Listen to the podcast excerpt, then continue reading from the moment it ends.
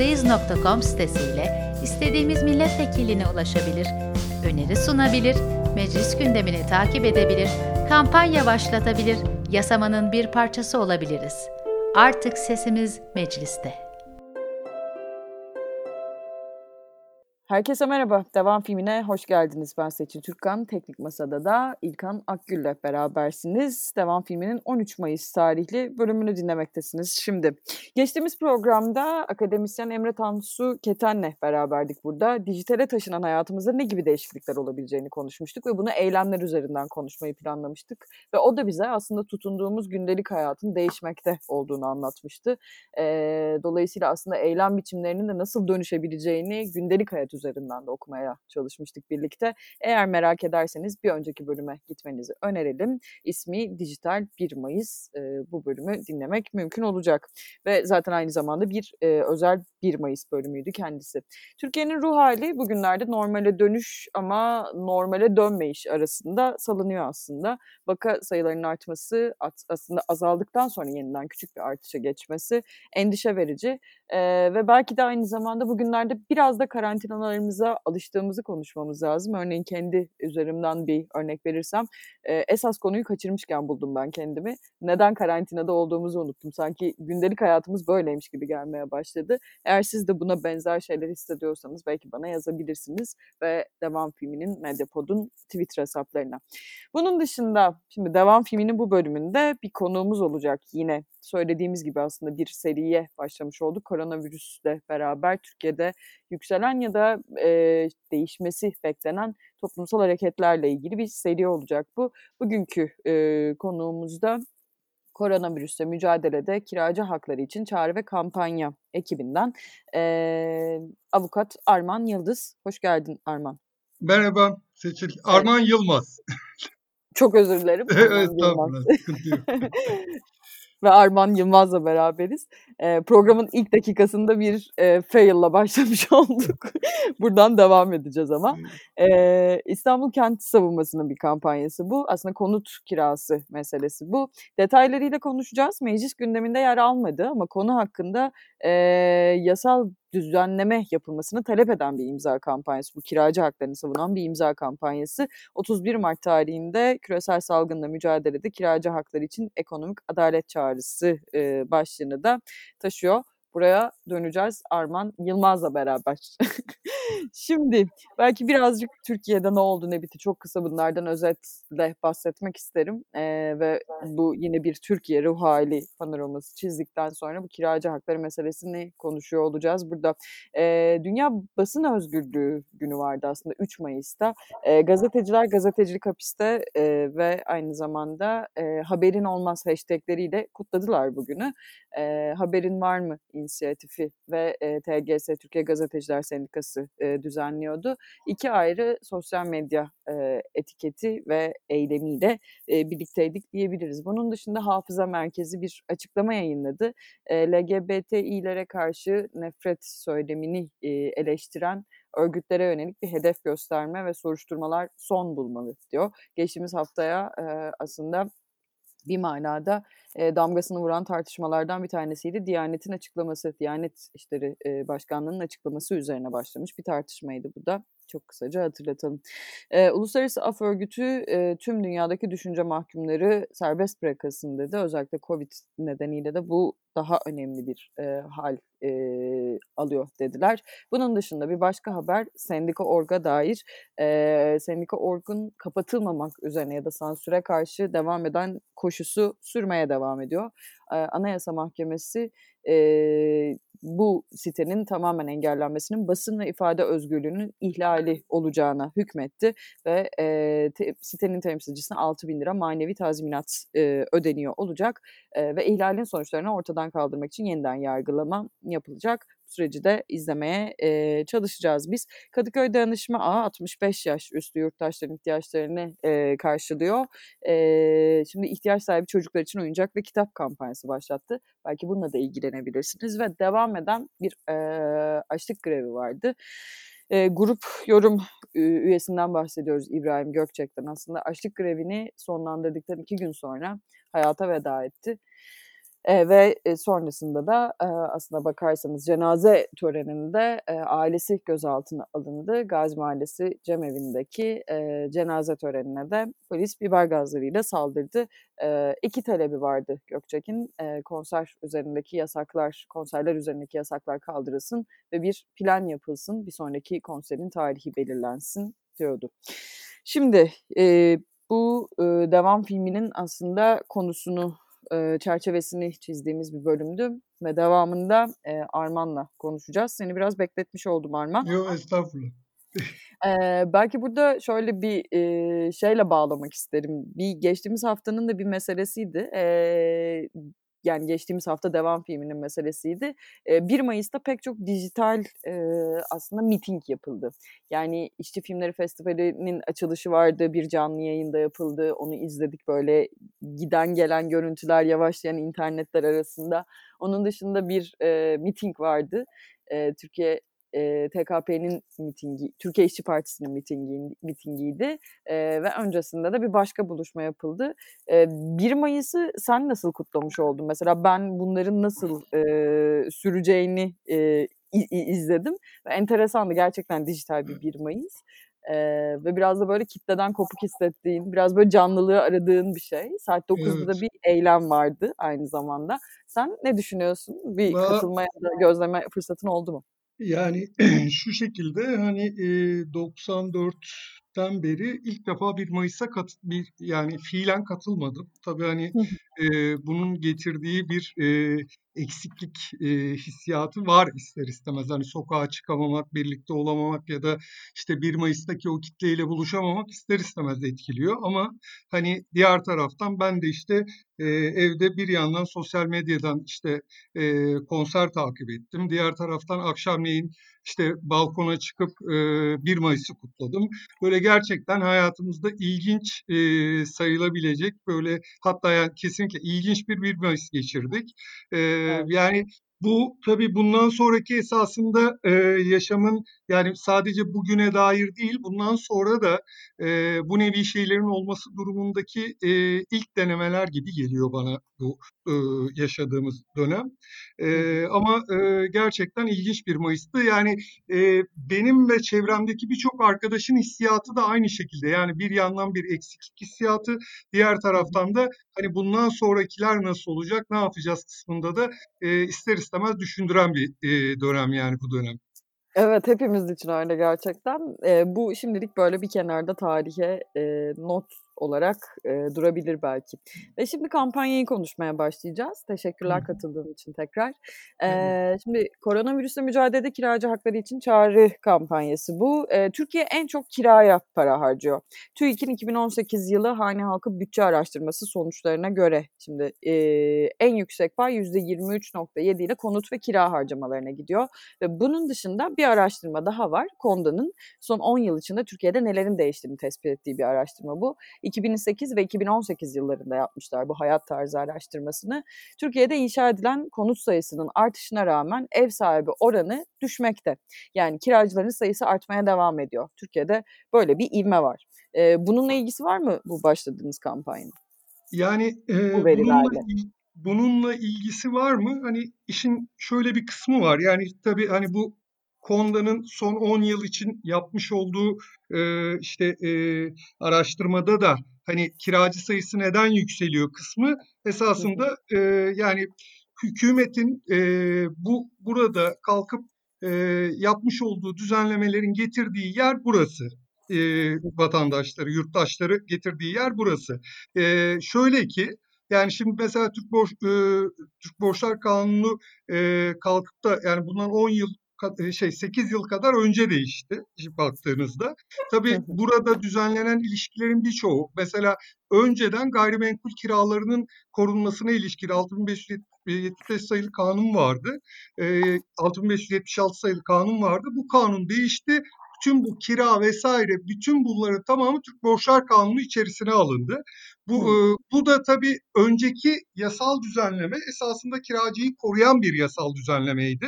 Çünkü kiraya özgü bir kanundu ama şu andaki, eee, mevcuttaki meri hükümlerin, eee, olduğu düzenleme, eee, kalkıp aynı zamanda e, mal sahiplerini de e, gözeten ya da işte onları da bir şekilde koruyan, haklar veren ya da işte e, bir şekilde ilerleyen dönemde de yaşayacağımız problemleri de çıkartacak e, gösteren düzenlemeleri içeriyordu. Dolayısıyla hani gelinen yer itibariyle e, biz tabii e, mevcuttaki uygulamalardan gördüğümüz kadarıyla devamlı iş yerlerine ilişkin kiralar konuşuluyor ama e, esasında burada gözden kaçırılan çok ciddi bir şekilde bir konut kirası problemi var. Yani bu bugünün problemi de değil Seçil. Yani e, Türkiye'de bu çok göz ardı edilmiş, geri plana atılmış bir problem. Yani e, dünyada bunun farklı örnekleri var. Birazdan anlatacağım eğer şey, yeri gelirse. E, bu, ama hani Bizde mesela bu kiracılık özellikle konut kiracılığı kavramı doğru şekilde değerlendirilmemiş. Bu konuda bir örgütlenme yok. Ee, yani tamamen e, mevcutta siyasal iktidarın oluşturduğu, yarattığı bir sistemin içerisine entegre oluyorsunuz ve hani kiracı olarak konutta tek kiracı olduğunuz için bu konuda talep haklarınız ve sesiniz de duyulmuyor. Yani gelinen yer burasıdır esasında. Biz de bunu öngörerek yani iş yerine e, iş yerlerine ilişkin biliyorsun e, yani bir düzenleme getirdiler. O da hani o evet. düzenlemeyi konuşalım çünkü o düzenlemede çok yanlış anlaşılan hususlar var. Yani e, kalkıp da işte 3 ay süreyle yani 30 Haziran'a kadar e, bu torba yasayla çıkardıkları düzenlemeye göre fesih ve tahliye haklarını e, mal sahiplerinin elinden aldılar. Ama dikkat edersen buradaki tarih 30 Haziran tarihi. Yani Temmuz ayında kirasını ödemeyen kişinin yani bu bütün pandeminin ekonomik etkisinin ortaya çıkabileceği döneme ilişkin konuşuyorum. Herhangi bir şekilde iş yeri kiraları için bile bir koruması yok. Konutu zaten yok. Yani konuta ilişkin bu yasal düzenleme sadece iş yerlerini kapsıyor biliyorsunuz. Yani evet, herhangi evet. bir şekilde konuta özgü bir düzenleme yapılmadı. Ee, evet. Ama diğer taraftan da hani baktığında pandeminin şöyle bir etkisi var. Yani insanlar işsiz kaldılar, insanların ekonomik durumları bozuldu, ee, insanların düzenli ödemelerinden birisi baş, başta gelen ödemesi kira. En büyük parayı yani burada kiraya yatırıyoruz biz. E, dolayısıyla hani bu hususun gözden kaçıyor olması yanlış e, açıkçası. Biz bu çağrıya da bu sebeple çıktık yani. Aslında tek başına yani hani bir yandan da iş yerlerini korumak için çıkarılmış bir kanundan bahsediyoruz ama onları bile gerçekçi bir manada korumadığından bahsediyoruz. Esasen bütün yıkıcı etkilerin görüleceği zamanı kapsamayacak bir e, kanunun ortaya çıkarılmış olmasından bahsediyoruz ki e, Haziran sonuna özellikle vurgu yapmanızın bir başka sebebi bu borçlar kanunu meselesi. 2020'de yürürlüğe girecek olmasıyla ilgili galiba değil yani mi? Yani Orada... borçlar kanunundaki bazı hükümlerin e, 2020 itibariyle e, e, uygulanabilir hale gelmesi ve bunların tamamı da iş yerlerine ilişkin. Yani hani bu Hı. burada uygulanacak yeni hükümlerin tamamı iş yerlerine ilişkin ve Hı. burada esasında uygulanacak hükümlerde tüm bu pandeminin etkisini de azaltabilecek hükümler var ama iş yerleri özelinde. Yani şu şu hususu çok net söylemek lazım e, Seçil. Burada e, kalkıp da ne dediler? Yani yasada neyi düzenlediler? Dediler ki 3 ay için fesih ve tahliyeyi müsaade etmeyeceğiz dediler. Bunun sebebi neydi? Bu icra iflas kanunun e, 269. maddesi var. E, burada kalkıp mesela bir kiracı e, kirasını ödeyemediği zaman mal sahibi kira sözleşmesini götürüyor icra dairesine diyor ki bu kişiye ihtarlı ödeme emri göndermek istiyorum diyor. İhtarlı ödeme emrinde diyor ki sen kardeşim bu kiranı 30 gün içerisinde yatırmak zorundasın ya da bir itirazın varsa 7 gün içerisinde gel bunu söyle diyor e, şeye kiracıya. Eğer kiracı bu 30 gün içerisinde yatırmazsa icra e, icra hukuk mahkemesi çok kısa bir yargılamayla bu kişilerin tahliyesine karar veriyor. Yani dolayısıyla engelledikleri şey bu. Ama dikkat edersen buradaki engellenen şey tahliye. Yoksa mesela bu dönemde ödenmeyen kiraların adliyelerin açılmasıyla birlikte yani Haziran 15 itibariyle icraya konu olmayacağına ilişkin bir düzenleme yok burada.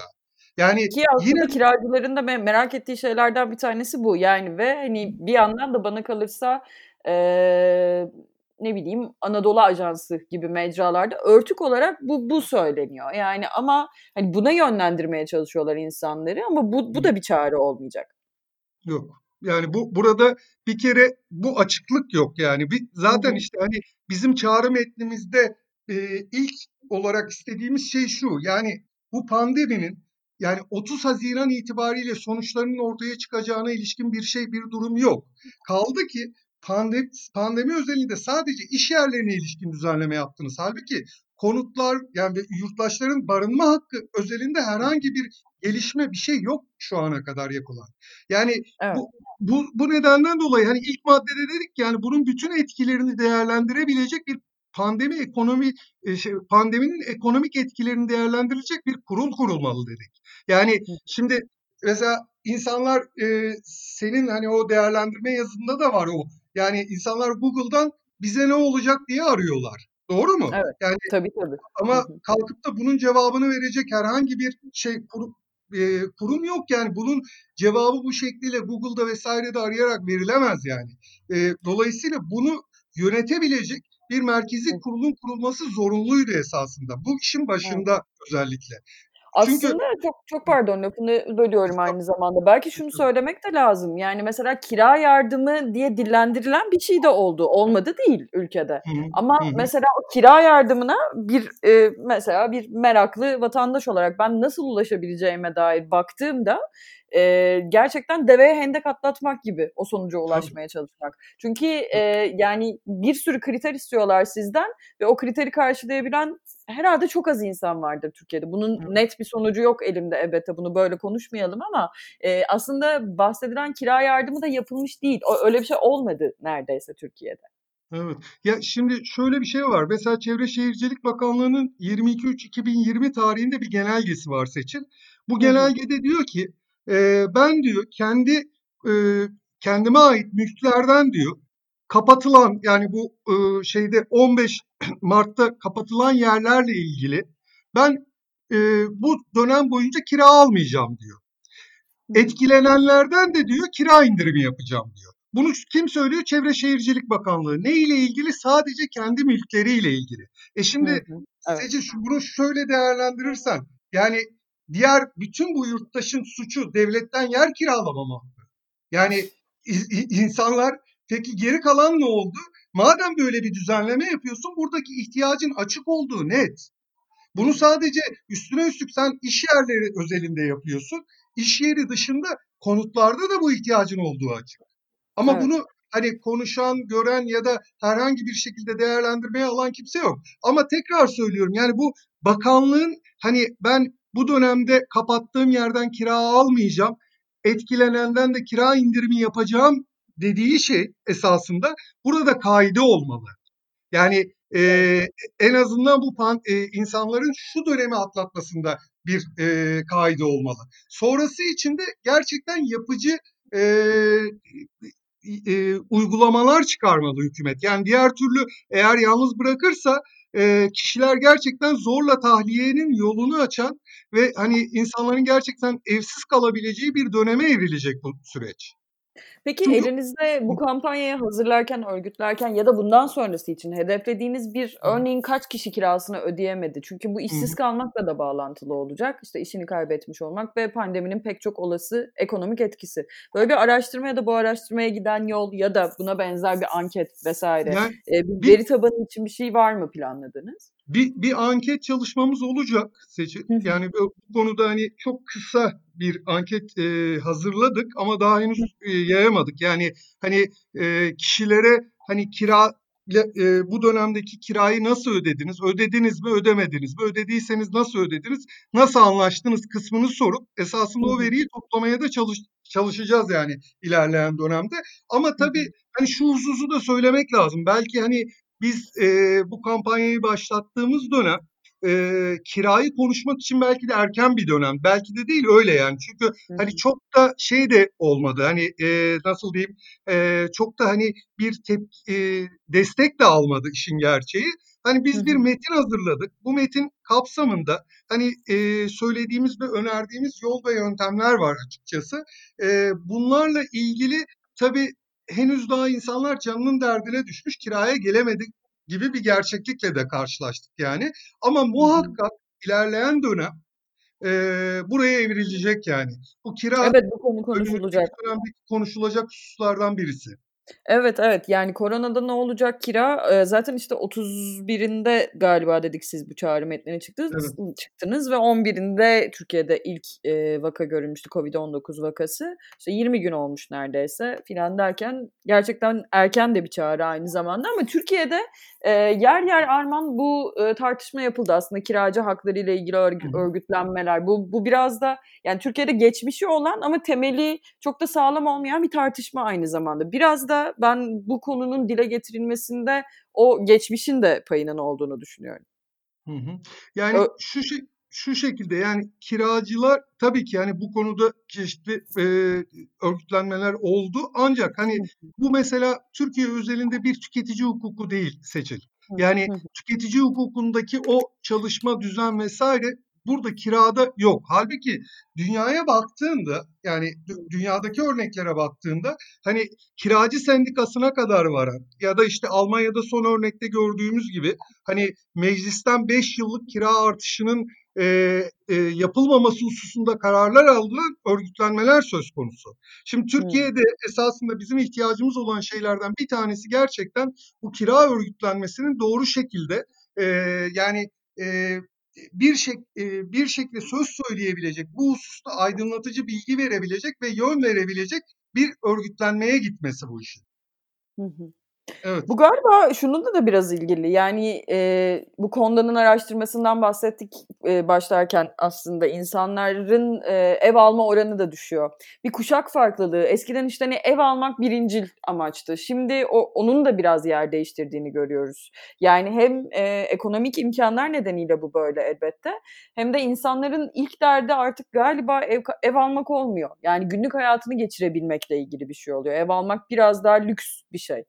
Elbette hâlâ bir güvence olarak görülüyor. Bu bence yani bilinen bir kültürel kod da aynı zamanda ama, eee, o şartların değişmesi Türkiye'de yani insanlar belki de, eee, gençler özellikle ev almaktan bir tık uzak duruyor olabilirler mi diye düşünüyorum benim çevremdeki arkadaşlarımla konuştuğumda. Çünkü böyle Yani bir şimdi mülk sahibi olmak bütün hayatını da ipotek altına almak demek. Çünkü bir Evet. 10 yıllık borca giriyorsun yani aynı zamanda. A aynen öyle. Biraz, eee, ondan dolayı biraz değil esas tercih edilmeme sebebi yani mevcuttaki kazancınla senin ödeyeceğin miktar arasındaki dengesizlik. Yani sen hayatından feragat ederek bir ev alıyorsun. 10 yıl boyunca hayatını ipotek ediyorsun, onu ödemek zorundasın. Yani bunu tercih etmemek, eee, bence çok da yani hani yadırganan bir durum değil. Hani, eee, biz hani tabii kuşak olarak bizden önceki kuşağın o garantici ve şey, eee, hususu bir de hani şunu unutmamak lazım Secil, yani Türkiye'deki gayrimenkul fiyatları vs.'leri son dönem itibariyle inanılamaz bir yere gitti. Yani bir insanın çalışarak, kendi Evet. emeğiyle kalkıp bir ev alabilmesi için artık 10 yılları konuşmuyoruz. 20-25 yılları konuşuyoruz yani. Tabii, Belki tabii, de tabii daha üzerine faizler. Evet, üzerine ciddi binmiş Evet. faizler. Yani bankayla gerçekten muhatap olmak, bankayla kaderini bir kesmek gibi bir şeyden bahsediyoruz. Evet. Eee, belki yani hani kiracılık meselesinin Türkiye'de tartışılması da, eee, bundan sonraki başka türlü bir, eee, bu ekonomiye de dayanan kültürel gelişimle ya da kültürel değişimle birlikte olurmuş gibi de düşünüyorum. Sen kiracı sendikasından bahsedince mesela aklıma bu geldi. Çünkü bu bir yandan da kiracı hakları, eee, kadar basit bir şey de değil sahiden. Yani kiracı haklarını savunan bir, eee, gerçekten bir örgütlenmenin olması anca, eee, gerçekçi bir sözleşme yapılabilmesini sağlayabilir. Evet. yoksa işte o e oturduğumuz evde, sürekli gerçekten bir bir tür hesap makinesi gibi fatura yazan bir şeyden bahsediyoruz gibi yani. Evet, evet. Eee, kampanya tam da böyle bir yere dayanıyor. Aslında gelmek istediğim yerlerden biri de tırnak içinde buydu. Yani Türkiye'de tam da böyle şimdilik insanların dönüp bakabildiği bir kampanya değil belki de. Koronada ne olacak kira diye sorduğunuz şey ama önümüzdeki günlerde, eee, mutlaka tartışmaya devam etmenin, eee, belki de elzem olduğu, eee, önemli meselelerden bir tanesi. Evet. Yani şu hususu da tabii atlamamak lazım Seçil. Yani mesela, eee, şu anda kalkıp da mevcut yasal düzenleme anlamında söylüyorum. Yani bunu özellikle hani belirtmem gerekir. Çünkü, eee, esasına baktığında hani bu pandemi hakkında şu ana kadar verilmiş Türk Türkiye'de mahkemelerden bir karar yok. Bizim öngörümüz pandeminin daha önce Yargıtay Hukuk Genel Kurulu'nun e, mücbir sebep olarak ka, e, kabul ettiği salgın hastalığa ilişkin bir karar var. Yani kuvvetle muhtemel bu mücbir sebep olarak kabul edilecek pandemi Hı. durumu. Tabii bunun kira sözleşmelerine de etkisi olacak. Yani şöyle ki şimdi e, kalkıp da mesela mevcutta hükümet herhangi bir şekilde bu burada adım dahi atmasa mevcut yasal düzenlemede kalkıp ben kiramı benim sebep olmadığım bir durumdan kaynaklı ödeyemiyorum. İfa güçlüğü çekiyorum diyecek. Yani bu Türk Borçlar Kanunu'nun 138. maddesi var. 138. maddede diyor ki yani tarafların e, iradeleri dışında bir problem ortaya çıkacak. Bu problem sonucunda da diyor bu kişi ifa edemeyecek. Bu durumda diyor gidip mahkemeden söz konusu duruma ilişkin yeni e, e, koşullara göre sözleşmesinin uyarlanmasını isteyebilir diyor. Yani hı. burada e, ben özellikle adliyelerin açıldıktan sonraki e, böyle hani parlayan dava derler ya. hani Evet. parlayan dava demezler de hani parlayan bir e, yol diyeyim sana. Bu hı. bu mesela davaların çok fazla geleceğini düşünüyorum. Hımm. Bu Ama mesela yükseleceğini. Evet. Bu bu hususta da yani burada hani bizi dinleyenlere de söyleyeyim. Yani bu hususta özellikle bu dönemde ödedikleri kiralar da işte bir şerh koymaları gerekiyor. Yani benim burada uyarlama davası ya da bu Türk Borçlar Kanunu 138'den kaynaklı haklarım saklıdır demeleri gerekiyor. Bunun ilerleyen dönemde geçerli olabilmesi için. Yani e, burada mevcut yasal düzenlemeyle de bu ilerleyen dönemde çok dava konusu olacak. E, ve hani şu anda hukukçular arasında çok ciddi bir tartışma dönüyor. Seçil. Yani bu bunun sözleşmeleri etkisi ne olacak? Tüm sözleşmelere. Ama kira özelinde kiranın yaptırımı tahliye gibi zor e, zorla yerinde edilmeye varan bir e, ciddi yaptırımı var. Dolayısıyla biz bunu bugünden konuşmazsak önümüze gelecek davalar da çok geç olacak. Evet.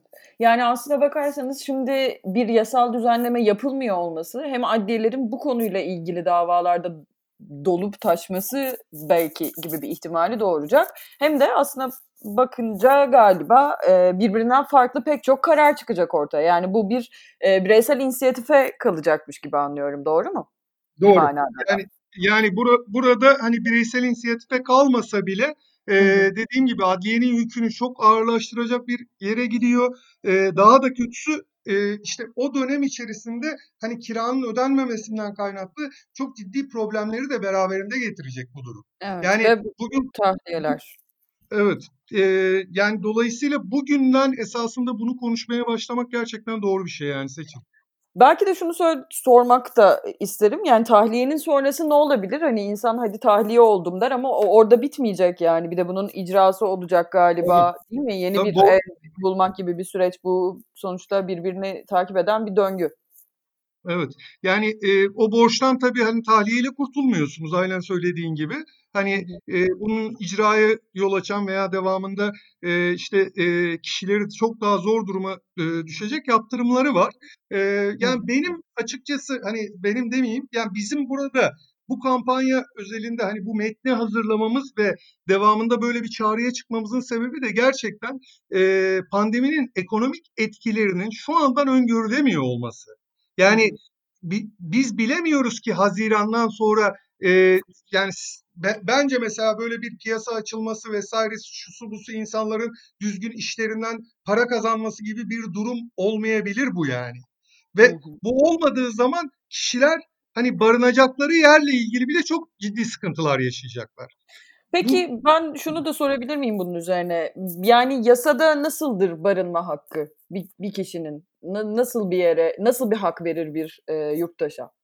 Yani şu şu şekilde esasında hani e, Türkiye'nin taraf olduğu uluslararası sözleşmeler kapsamında özellikle konuşmak lazım bunu. Yani e, işte Birleşmiş Milletler Konut Hakkı sistemi içerisinde Türkiye'nin e, yüklendiği e, uluslararası edimler var. Yani burada özellikle şeyi söylüyor. Kişi, aile veya toplulukların kendi iradeleri dışında ve alternatif barınma olanağı sağlanmadan konutlarından ve mahallelerinden tahliye edilmeleri ilk görüşte insan hakkı ihlali sayılıyor.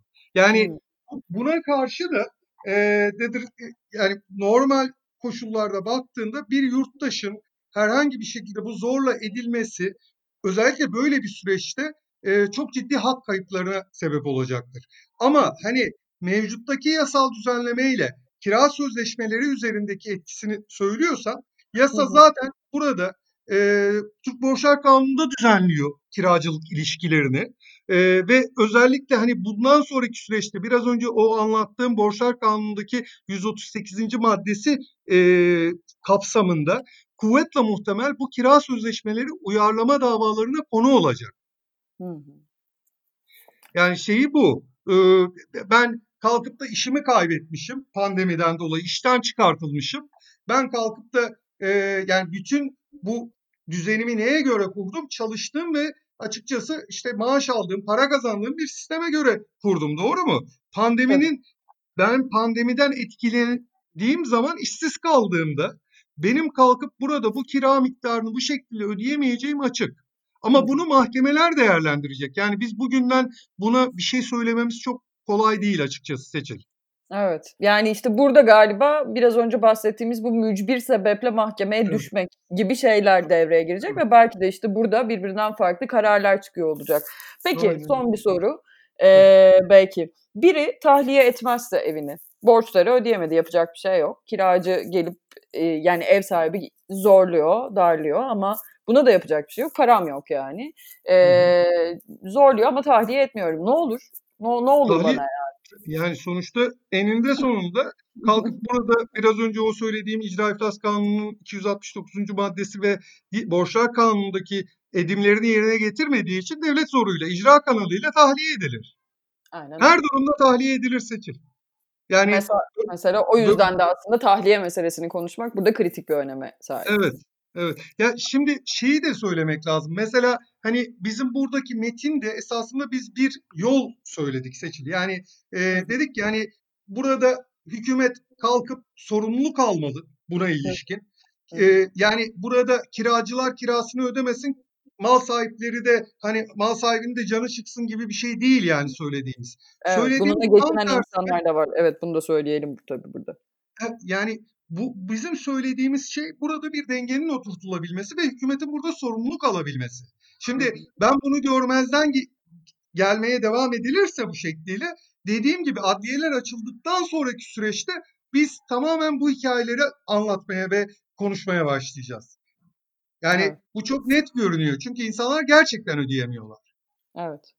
Ee, ve ondan sonrası gerçekten herkes için, her iki taraf hem kiracı hem ev sahibi için daha da zorlayıcı meselelere gebe olacak. Ama burada gerçekten bir e, sorumluluk alması hükümetin imza kampanyasının da söylediği şeylerden bir tanesi. E, başlığı tam söyleyelim. Küresel salgınla mücadele edecek mücadelede kiracı hakları için ekonomik adalet çağrısı. Detaylı bir e, açıklaması var. Pek çok açıdan yaklaşan bir açıklaması var. Biz burada Arman'la e, birazcık üzerine gitmeye, deşmeye çalıştık ama merak edenler için bunu söylemiş olalım. İstanbul Kent Savunması'nın e, kampanyalarından biri. Eklemek istediğin bir şey olur mu Arman? E, eklemek istediğim sadece şu husus var Seçil. E, şimdi mesela Buyurun. New York'ta biliyorsun yani bir ha, kira evet. grevi e, meselesi evet. var. Onu da notlarımdan baktım. Şimdi e, söylemeden geçmeyeyim. Şimdi evet. e, mesela biz Türkiye'de bir kira grevi şeklinde bir şeyi açıkçası önermedik ya da herhangi bir şekilde böyle bir yapılanma, e, böyle bir eylemliği öngörmedik. Bunun şöyle bir sebebi var.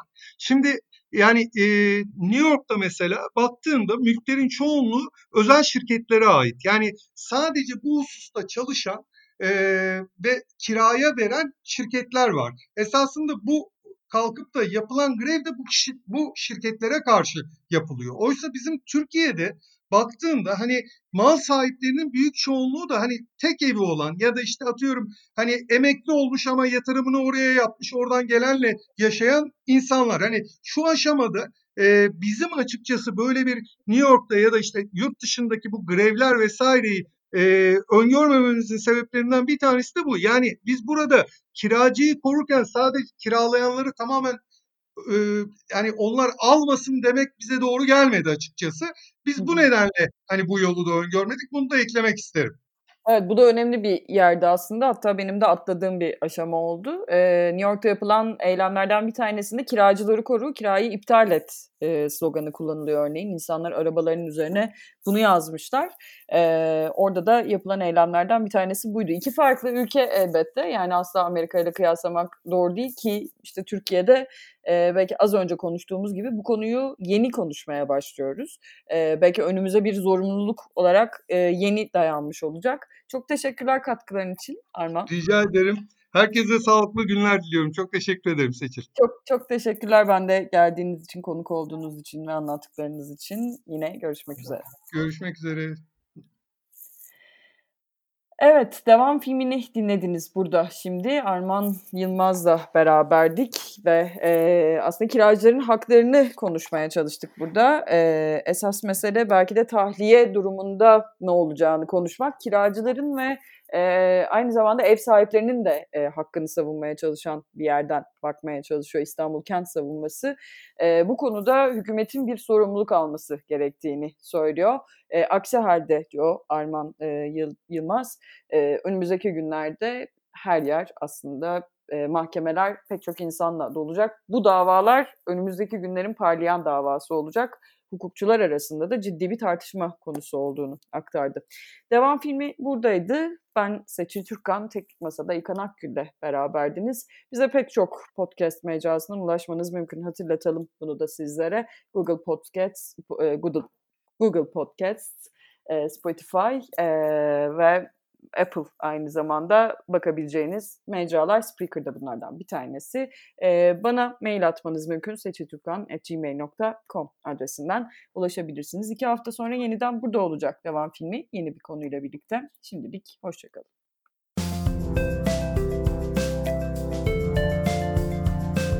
Meclisteyiz.com sitesiyle istediğimiz milletvekiline ulaşabilir, öneri sunabilir, meclis gündemini takip edebilir, kampanya başlatabilir, yasamanın bir parçası olabiliriz. Artık sesimiz mecliste.